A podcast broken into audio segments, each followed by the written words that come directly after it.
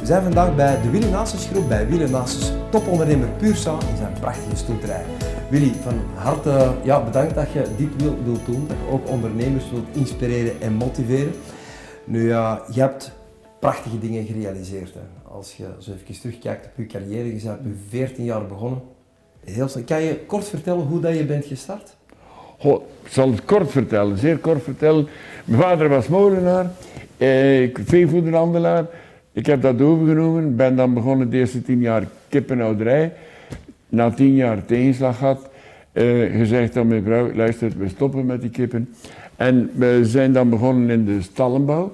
En mijn eerste overname heb ik gedaan, dan de stallenbouw metaal. En mijn eerste overname heb ik gedaan in 1982 omdat de beton onze grootste concurrent werd. Ik zag dat toekomen. Ik zag dat aankomen, de beton gaat onze grootste concurrent zijn. En geluk, het is zo uitgevallen. Um, in 82 mijn eerste overname, dat was Megaton in uh, Ninove.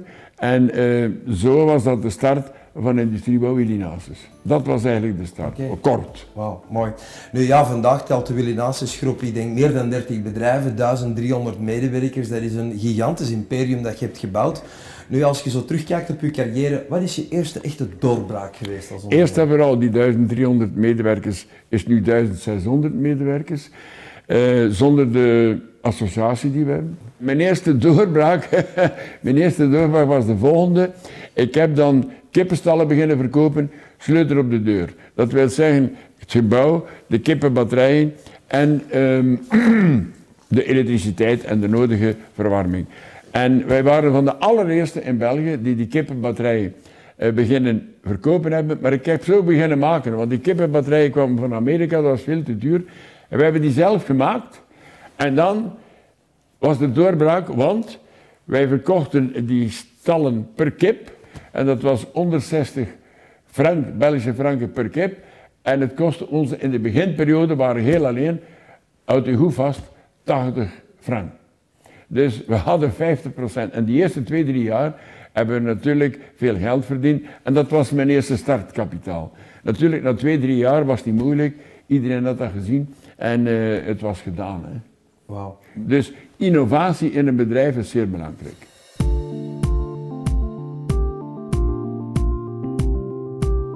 Werken er vandaag ook nog aan, de Willinatius Groep, innovatie en, en, en, uiteraard ook multiplicatie, maar die innovaties die voor jullie nog altijd belangrijk zijn? Ja, wel, innovatie. Ik denk dat wij van de enige aannemers zijn in België die een eigen onderzoekteam hebben. We hebben dus een, een dokter, burgerlijk ingenieur, die vast in dienst is bij ons, die dus ook nog een uur of twee, drie les gaat geven in de, in de Magnel Universiteit. Uh, plus twee parttime ingenieurs van de Magnel Universiteit. Dus ja, ik echt veel belang aan innovatie. Maar we zijn nog maar twee jaar bezig met een eigen laboratorium. En eerst en vooral zorgen voor een betere kwaliteit nog voor de beton, maar ook innovatie, nieuwe systeem. Maar daar ga ik niet veel over vertellen, we zijn goed bezig. Dus jullie anticiperen ook echt op hetgeen wat gaat gebeuren in de toekomst in de markt? Fantastisch. Mooi. Nu, ja, deze interview is bestemd voor ondernemers. De bedoeling is dat we via dit diepte-interview ondernemers gaan inspireren en motiveren meer uit hun business te halen. Wat vind jij, Willy, dat de meeste ondernemers meer zouden moeten doen? Wat dat de meeste ondernemers moeten doen? Ik heb voor mezelf risico's, berekende risico's genomen. Hard werken, logisch denken, boerenverstand hebben en u laten omringen door de right man on the right place, de juiste mensen u laten omringen. Eh, dat, was mijn, dat was mijn groei. De juiste mensen. De juiste mensen is natuurlijk heel belangrijk, want ja, je organisatie telt vandaag 1600 mensen. Um, ik neem aan ook, Willy, dat je door de tijd ook andere dingen bent gaan doen als ondernemer. In het begin was je misschien ook meer de werker, maar vandaag zal je positie ook iets anders zijn. Ja, ja, wel, in mijn beginperiode uh, als ik startte, was ik stallenbouwer, metaalbouwer, was ik zwembadbouwer, industriebouwer. Ik was een beetje van alles. En dat gesprek van veranderen. Um, en een kat vond zijn jongen niet meer terug. Ik wist niet meer waar ik geld verdiende of welk geld verloor. En ik had dus een goede boekhouder in dienst, uh, die nog maar pas bij ons gekomen was. Hij zegt, hey Willy, je doet dat niet goed. Je moet dus van ieder bedrijf een profit unit maken. We hebben dat gedaan en dan hebben we beginnen geld verdienen. Oké. Dus je advies is eigenlijk van als je dus diverse activiteiten uitvoert met je bedrijf, is het interessant om die bedrijven te segmenteren in aparte bedrijven. Weten waar je geld wint en geld verliest. Ja, absoluut. Want dat zie je natuurlijk dikwijls gebeuren. Hè, dat ondernemingen binnen één tak geld verliezen, binnen een ander tak geld winnen en uiteindelijk meer het bos door de bomen zien van waar.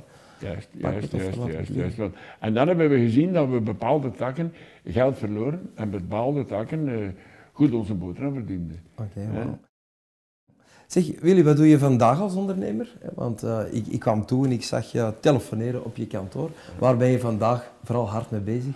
Uh, wel, luister, ik ben nu vandaag, heden, ben ik voorzitter van de Raad van Bestuur. En mijn taak is oorzakelijk, eerst en vooral hetgeen dat ik nu doe. Dat is mijn PR onderhouden, public relation, zeer goed onderhouden. Want waarom? Waarom? Omdat wij, wij hebben een stil, op het moment dat wij een gebouw verkocht hebben, hebben wij een kandidaat verloren.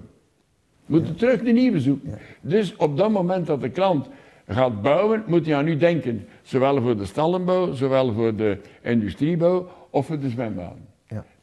En dan heb ik, dat is 50% van mijn tijd, uh, veel lawaai maken.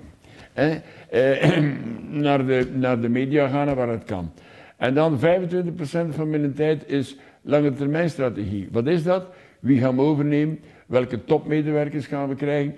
En uh, de, mijn opvolgers die komen uh, discussiëren. We gaan daar investeren en we gaan daar investeren. Maar hoe langer, hoe, minder dat ze komen. Dus ze doen het goed. Hè. De resultaten zijn ook goed van de groep. En dan, uh, Karel, 20% van mijn tijd, wat zou dat zijn? Dat is het laatste. 5% is met de paardrijden. Genieten. En met 20% van mijn tijd. Genieten. Nee, nee, nee. Controle de portemonnee. Controle, ja. controle de portemonnee, want ik ben nog altijd uh, hoofdaandeelhouder. Hè? Ja, uh, meer dan in de 90%. Dus controle op de portemonnee. dat is zeer belangrijk. Dat wil zeggen dus mijn voorlopige maandbalansen krijg ik op een papiertje zwart, zwart, rood, rood. Dus, en dan eh, om de drie maanden hebben we dus met de hebben we raad van bestuur, bespreken we onze resultaten. En de volgende dag moeten dus de plantmanagers komen, dus van ieder tak, alle 36, moeten de plantmanagers komen en dan bespreken we wat heb je goed gedaan, wat gaat je nu doen, gaat investeren, gaat je niet investeren, je doet het goed, je doet het minder goed. Uh, die komen dan voor de raad van bestuur. Dat is eigenlijk mijn bezigheid en voor mij is dat mijn hobby. En zolang dat uh, dit hier goed is en zolang dat mijn fysiek goed is, ga ik dat blijven doen. En um, het eerste zal, zal, zal eruit vallen, dus de, de, de PR. Het tweede zal eruit vallen, dus de strategie. Maar zolang dat kan, ga ik de portemonnee controle doen. Oké, okay, wauw. Dus hetgeen wat ik onthouden is enerzijds een groot deel van uw tijd gaan naar marketing. Marketing is, is de dag van vandaag heel belangrijk, is ook heel erg veranderd door de tijd dikwijls een heel grote valkuil bij heel wat ondernemingen, want ze hebben wel een goed product, maar ze komen in de buiten, de mensen kunnen ze niet vinden. Publiciteit is zeer belangrijk. Marketing is zeer belangrijk. Waarom? Ik ga je een voorbeeld geven. We gaan Coca-Cola. Coca-Cola, dat is een monsterbedrijf. En die blijven verkopen en die blijven verkopen. En nog niet tegenstaande dat, blijven ze publiciteit maken. Moest Coca-Cola tien jaar geen publiciteit maken, ik garandeer u, de verkoop gaat zo gaan. Ja. Absoluut. En dat is juist. Ja, absoluut. Het, het, tweede wat ik onthoud van je antwoord, Willy, is dat die strategische planning is belangrijk. Ik, ik, zie ook heel veel ondernemers improviseren. Hier staan we en waar kunnen we eventueel morgen staan? Maar ik begrijp dat jij ook zegt van een strategische planning naar groei is, is heel cruciaal in je onderneming. Ja, natuurlijk een uh, strategische planning. Dat is zeer goed, maar we, wat we wel ondervinden, wij bepalen onze richting en, en de trein rijdt, maar nu en dan moeten we toch afstappen voor onvoorziene omstandigheden of groei hè, of rem. Hè. Die, die lange termijnvisie, regelmatig moeten we toch bijsturen. bijsturen hè. Regelmatig. Oké, absoluut. En derde wat ik onthouden is van dat uh, winst bewaken is heel belangrijk, Willy. Dus je bent een goede poortwachter van, van het winstmodel, om het zo te zeggen. Uh, zeer belangrijk. Zeer belangrijk, want... Uh, Bij ons gaat het over zeer grote sommen. Hè. Wij doen nu geconsolideerd, dus optellen, doen wij nu 440 miljoen euro omzet. Hè. Dat is al iets, dat zijn grote sommen. Hè. En nu verdienen we wel uh, eh, nu verdienen we wel, maar in verlies is het juist hetzelfde. Het zouden ook zeer grote sommen zijn. En na zes maanden, na een jaar, kun je failliet zijn. Dus de portemonneecontrole, zeer belangrijk. Zeer belangrijk. Zeer belangrijk. Uh, die dat niet doet, dat je weet, zijn we nu goed bezig of zijn we niet goed bezig? En regelmatig moeten bijsturen. Wij, doen niet anders. Of om de drie maanden bijsturen. we hebben nu bijvoorbeeld de laatste kwartaal, dat is het derde kwartaal, hebben we een normaal goed kwartaal. Maar er zijn twee bedrijven die in rood staan. En, en uh, dat is nu al één bedrijf die meer dan twee jaar in rood staat. Dus wat gaan we ermee doen? Ofwel de nieuwe plantmanager, maar het zal dat niet zijn, het is nu al twee jaar. En uh, we gaan waarschijnlijk dat bedrijf sluiten of verkopen.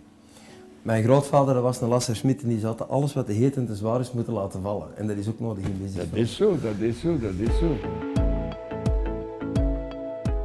Wat ik dikwijls vaststel, Willy, dat is dat uh, heel wat ondernemers, want die krijgen natuurlijk heel veel vormen in mijn programma's, dat de meeste ondernemers kennen zelf hun marges niet.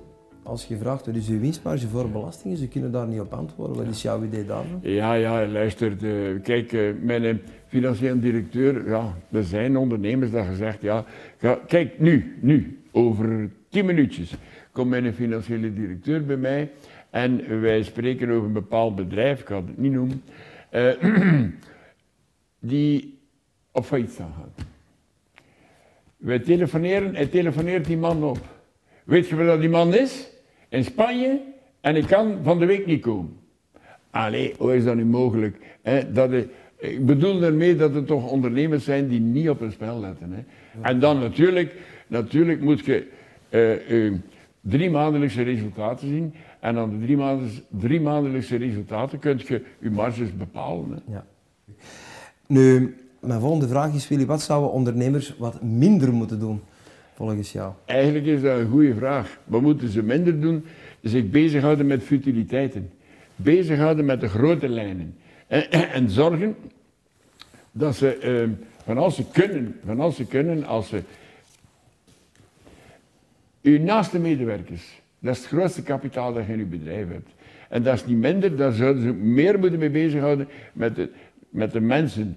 Dus niet de machine, het zijn niet de gebouwen, het zijn de medewerkers. Het grootste kapitaal dat je hebt, zijn de medewerkers. Minder bezighouden met de futiliteiten, mensen motiveren en controle. Mensen is inderdaad een heel belangrijke sleutel, want dat stelt je in staat natuurlijk ook om bepaalde dingen los te laten en met belangrijke dingen bezig te zijn. Nu, ik hoor de meeste ondernemers ook zeggen van, je vindt niet gemakkelijk de juiste mensen. Wat is jullie gouden formule, Willy, om eh, de juiste mensen aan te trekken? Een goede vraag. Een goede vraag. Doordat wij veel, publiciteit maken, hè, eh, zien de niet-klanten zien dat ook. en we, zijn, en we proberen met een goed imago naar buiten te komen. Eh, om u een voorbeeld te geven, we maken ook publiciteit dat bijvoorbeeld industrie, waar we die naast nog nooit, of te nooit, een dag dop gehad heeft. Dus we hebben nog nooit gestempeld. Dus we bestaan nu meer dan bijna 60 jaar. En de gewone man ziet dat ook. Die arbeid, toekomstige arbeider ja. ziet dat ook. En die mensen willen ook gaan werken bij winners. Dus uh, daardoor hebben wij geen te groot probleem voor uh, mensen aan te werven tot nu toe. Natuurlijk, wat doen we ook uh, voor de kaderleden? De universiteiten, de, zeker de Magniel Universiteit, de universiteiten, de laatste jaarstudenten van drie, vier verschillende universiteiten nodigen wij uit. Komen dus uh, om het jaar één keer of twee keer bij ons, geven we een film en hebben we een voetdruk staan en zorgen dat het aangenaam is en dat ze, dat ze zich amuseren. Ze onthouden dat.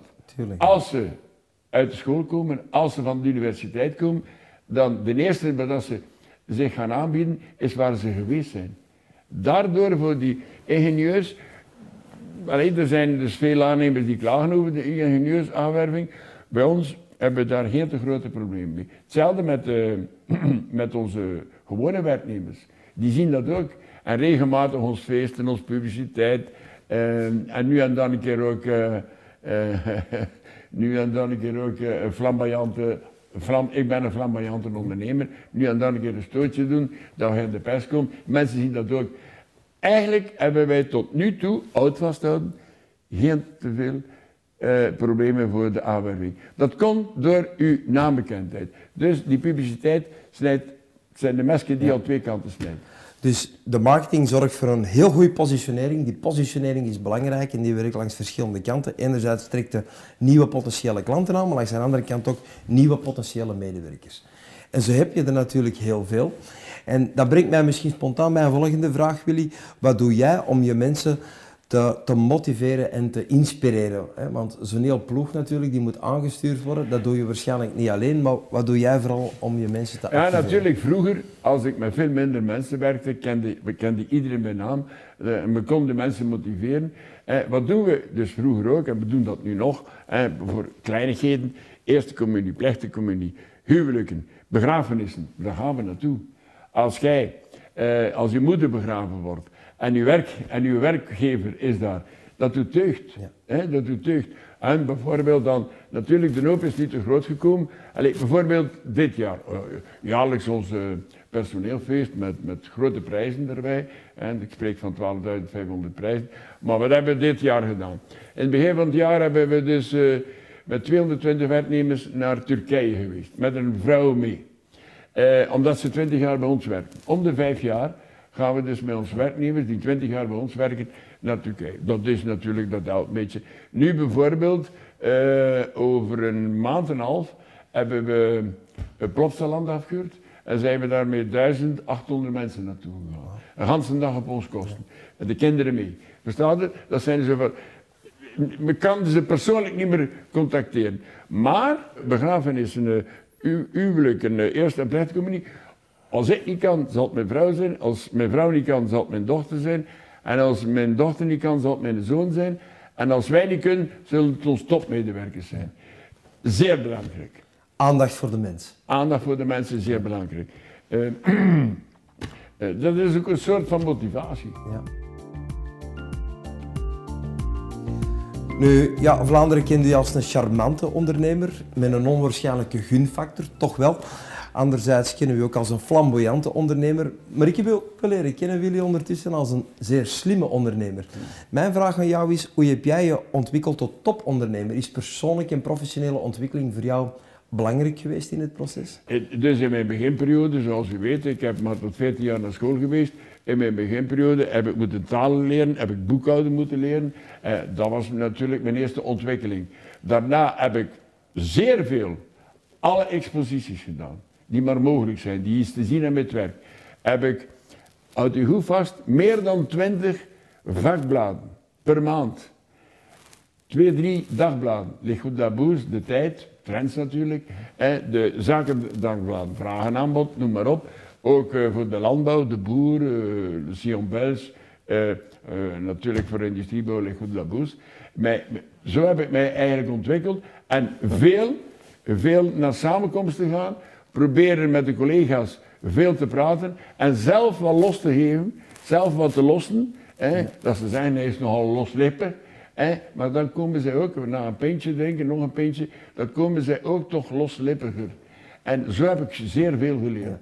Hè. Ehm, en ook, eh, dan ook eh, de zaterdag of de zondag met de kinderen. Als de kinderen klein waren, gingen we naar de concurrentie gaan kijken, gingen we naar de werf van de concurrentie gaan kijken. En de zondagen voormiddagen, de zondagen voormiddag in de zomer, nu en dan, gingen we zelfs in de fabriek van de concurrenten.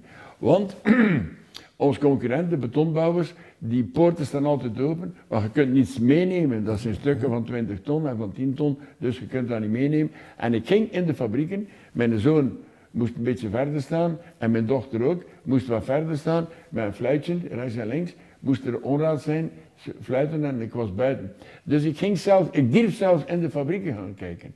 Eh, en foto's nemen en kijken van waar is een leverancier, hoe zijn die mengelingen.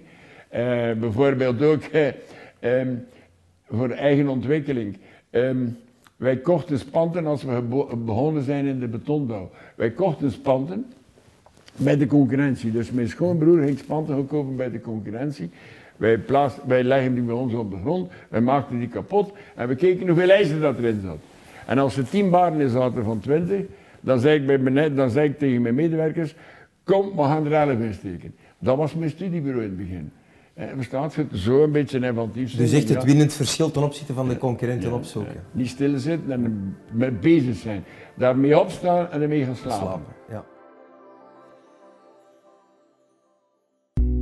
Wat vind je van de maatschappij van vandaag, Willy? Want wij krijgen soms wel eens de opmerking van ondernemers van ja, vroeger was het allemaal gemakkelijker. Stel dat je vandaag terug zou beginnen, zou het alsnog mogelijk zijn om zulk imperium te bouwen, denk je zelf?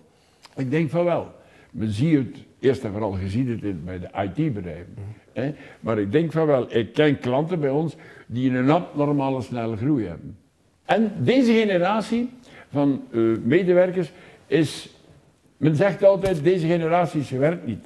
Maar ze werken meer dan in mijn tijd. Waarom? Die gsm, die verplicht u van te antwoorden, die verplicht u van te werken. En op die acht uur dat er nu gewerkt wordt, wordt er veel efficiënter gewerkt. Je een voorbeeld geven. Als ik vroeger eh, op de baan ging, eh, moest ik in een café gaan, Marijan was thuis, en moest ik in een café gaan, koffie gaan drinken, gaan telefoneren, uh, is er geen nieuws.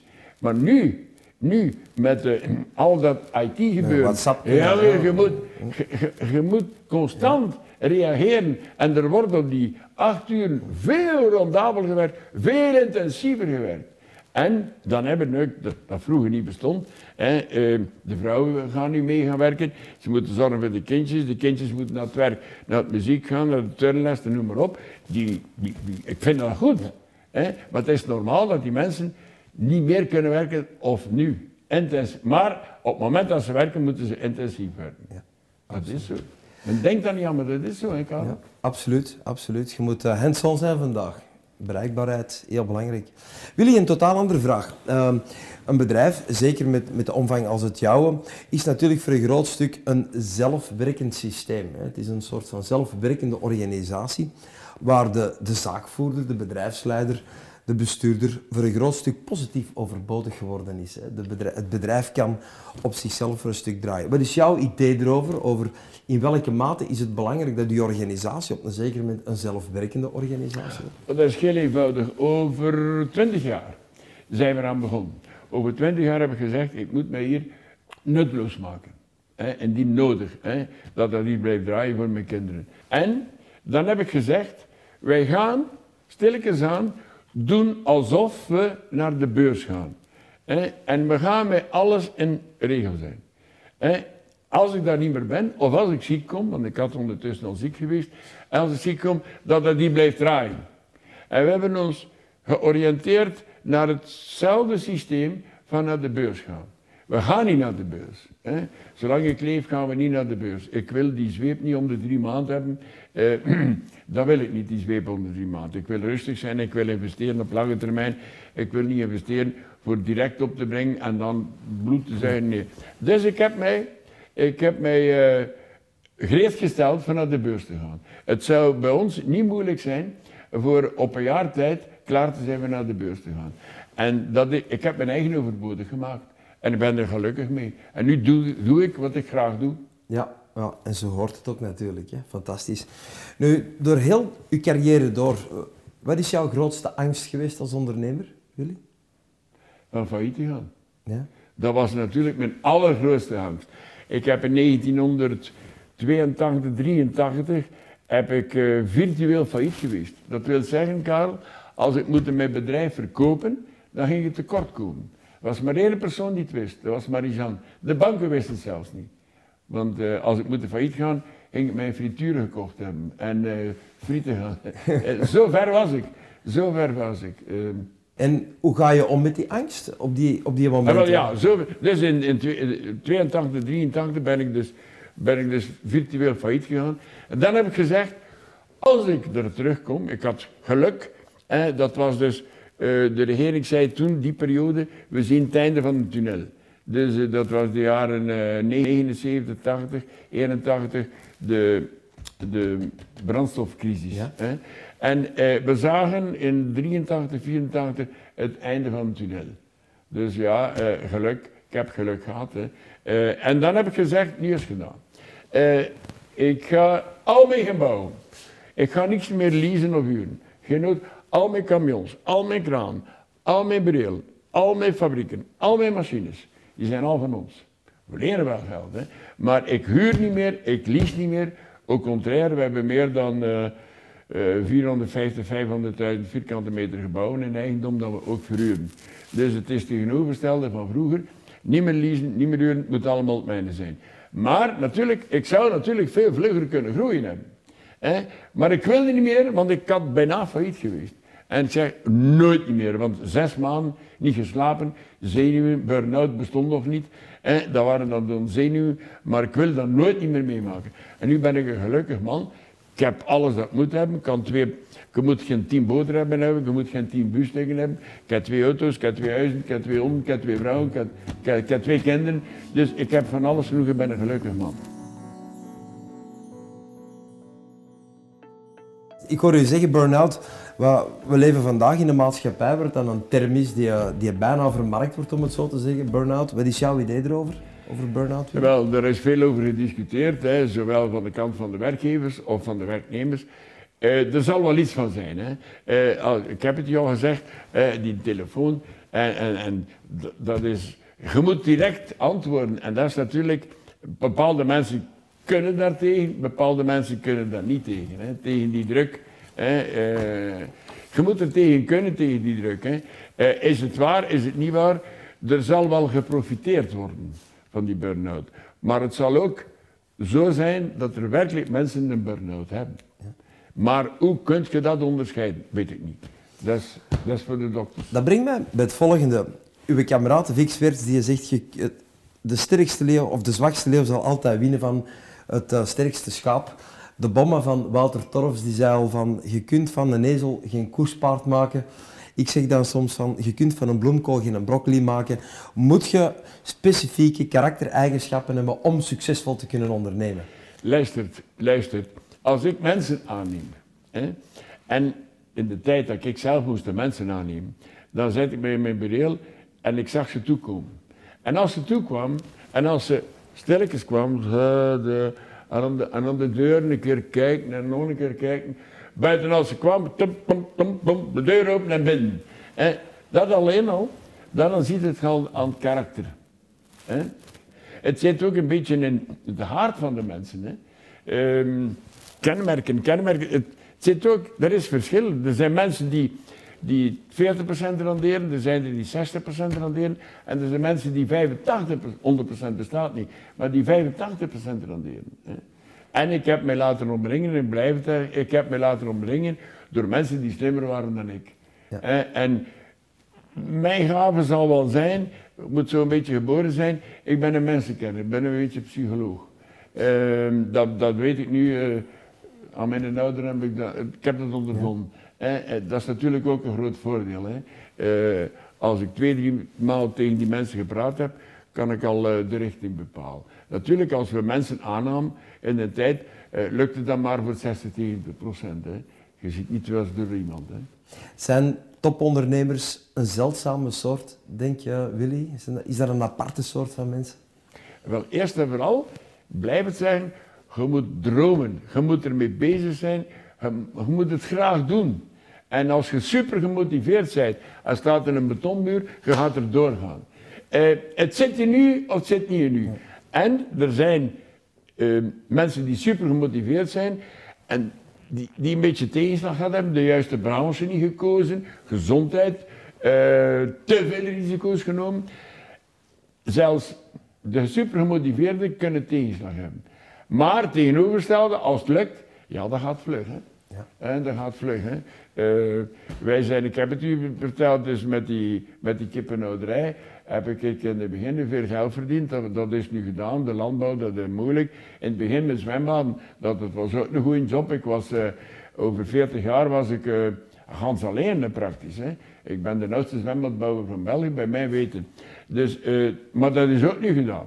We bouwen meer dan 300 zwembaden per jaar, maar er zijn 200 zwembadbouwers in België. Ja. Kleine en grote. En in industriebouw was dat ook goed over 20, 25 jaar. Maar dat vet is ook van de, Vroeger was dat zo'n marge, maar nu is dat zo'n marge. Nu moeten we het hebben door omzet, omzet creëren.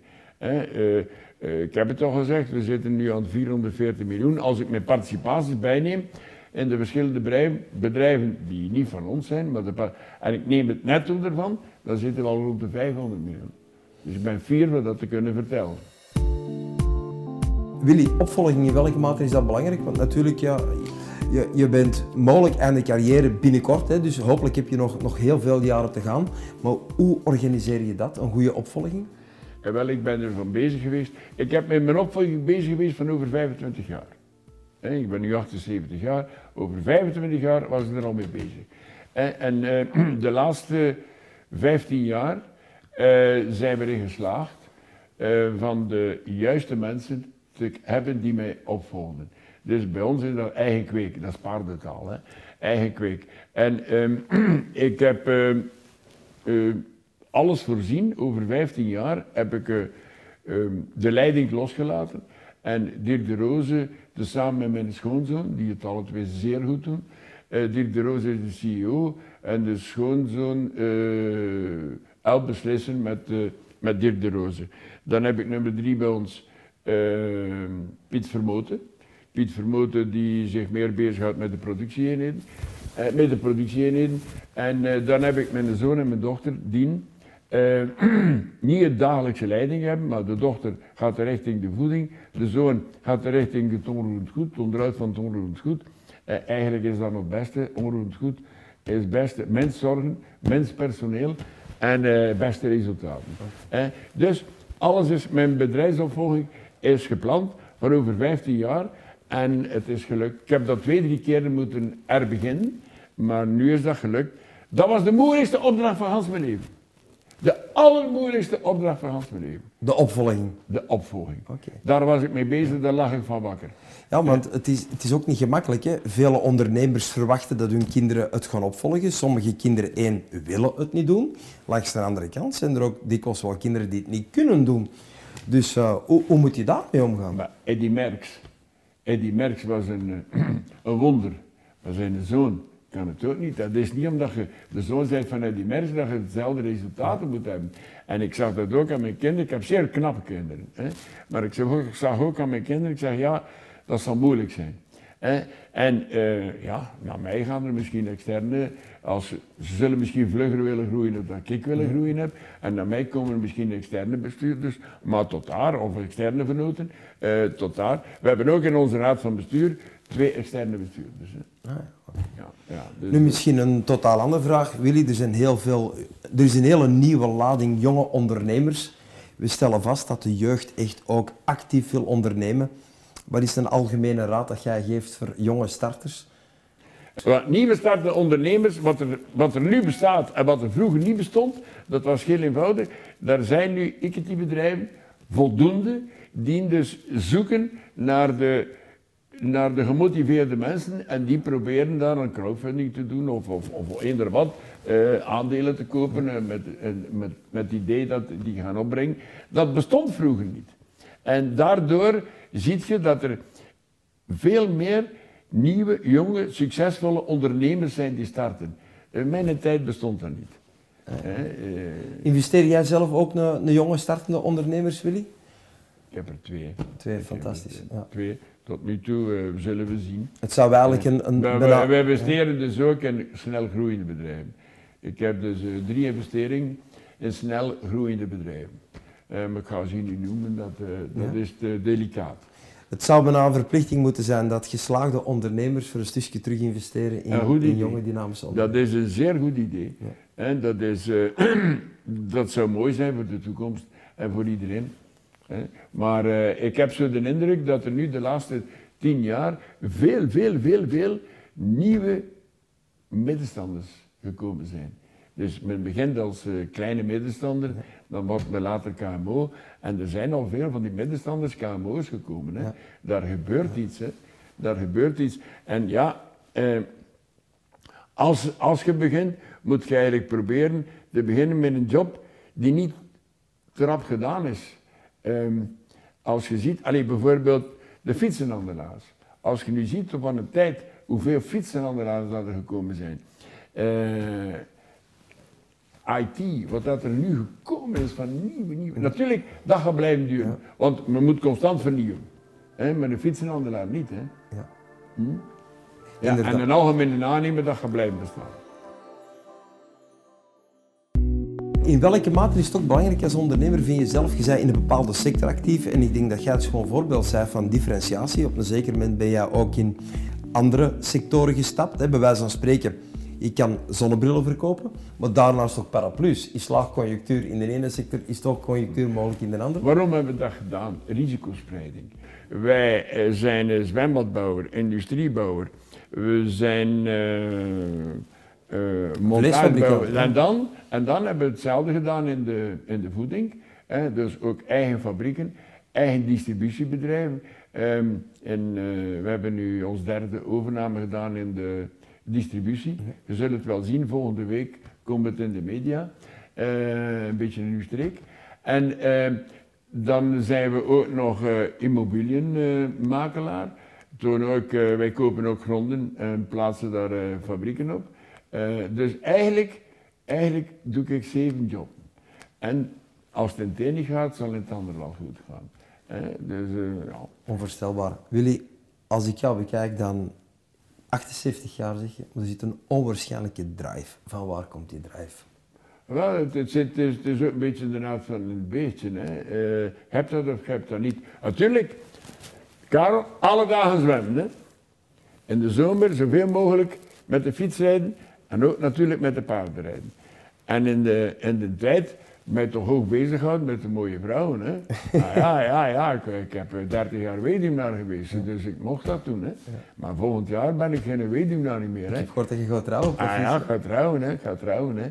Dus Um, uh, ik, heb, ik heb mij, ik, ik, denk dat ik gezond geleefd heb. Uh, ik heb nooit veel gedronken, zeer weinig, weinig gedronken. Wel een sigaretje per dag, eentje per dag. Veel en alle dagen zwemmen.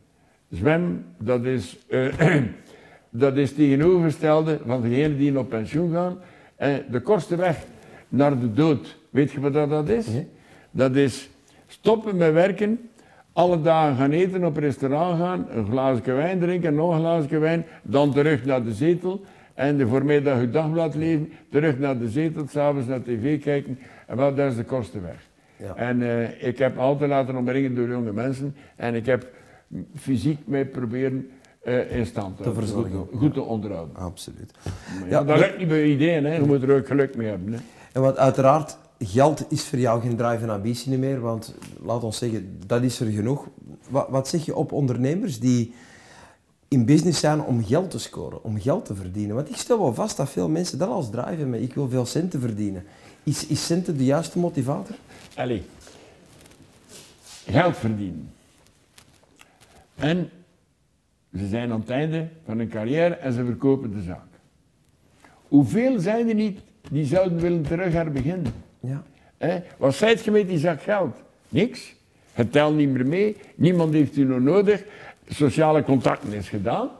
want uh, je rijdt dan met de fiets, je passeert er met de fiets. En zijn ze laat naast me rijden, maar dat hebben we toch niet meer nodig. Dus met dat geld zijn er niets. Hoe geestig is dat niet? Al die jonge mensen rond u en, en die regelmatig mogen advies geven, regelmatig mogen ondernemen, ehm, mensen motiveren. Dat is toch zeer geestig. En altijd maar jonge mensen. Altijd jonge mensen om u. Fantastisch. Dat is eigenlijk waar, hè? Dat is zo. Maar voor het geld gaat het niet meer doen. Hè? Willy, ik dank je bijzonder voor dit uh, heel mooie interview. We hebben voor u een, uh, een, leuke attentie meegebracht. Ondertussen zijn we alle twee onderdeel van de Titanen, de 100 Titanen. En we hebben een, een kleine attentie voor u meegebracht. Iets anders dan een fles wijn. Je mocht dat zelf onthullen. Allee, we gaan dat onthullen, hè. Oh, verdikken. Ja, ja, ja, ja, ja, ja, ja, ja, ja. Bedankt in alle geval. Uh, echt waar. Dank u wel, dank u wel. We gaan dat uh, in uh, kasteel hangen. Hè. We hebben dus twee kastelen. We gaan in een van die twee kastelen hangen. Dat is zeer mooi, dat past er goed bij. Ondernemers, bedrijfsleiders, CEO's, topsporters, politici, coaches en medewerkers van bedrijven haalden hun inspiratie bij Karel van de Velde. Karel doet al meer dan 25 jaar onderzoek naar toppresteerders die het winnend verschil beheersen. Hij ontdekte dat toppresteerders over gemeenschappelijke kernkwaliteiten beschikken die leiden tot succes. Het is zijn missie om mensen en organisaties te begeleiden naar een persoonlijke of zakelijke doorbraak. Hij is de oprichter en bezieler van het Karel van de Velde Training Instituut. En met deze organisatie verzorgt hij jaarlijks groeiseminars voor ondernemers. Hij is ook de auteur van twee bestsellers en een reeks educatieve video's. Wil jij ook meer en betere resultaten? Stel je dan open om kennis te ontvangen en ontdek welke mogelijkheden je nog hebt om te groeien.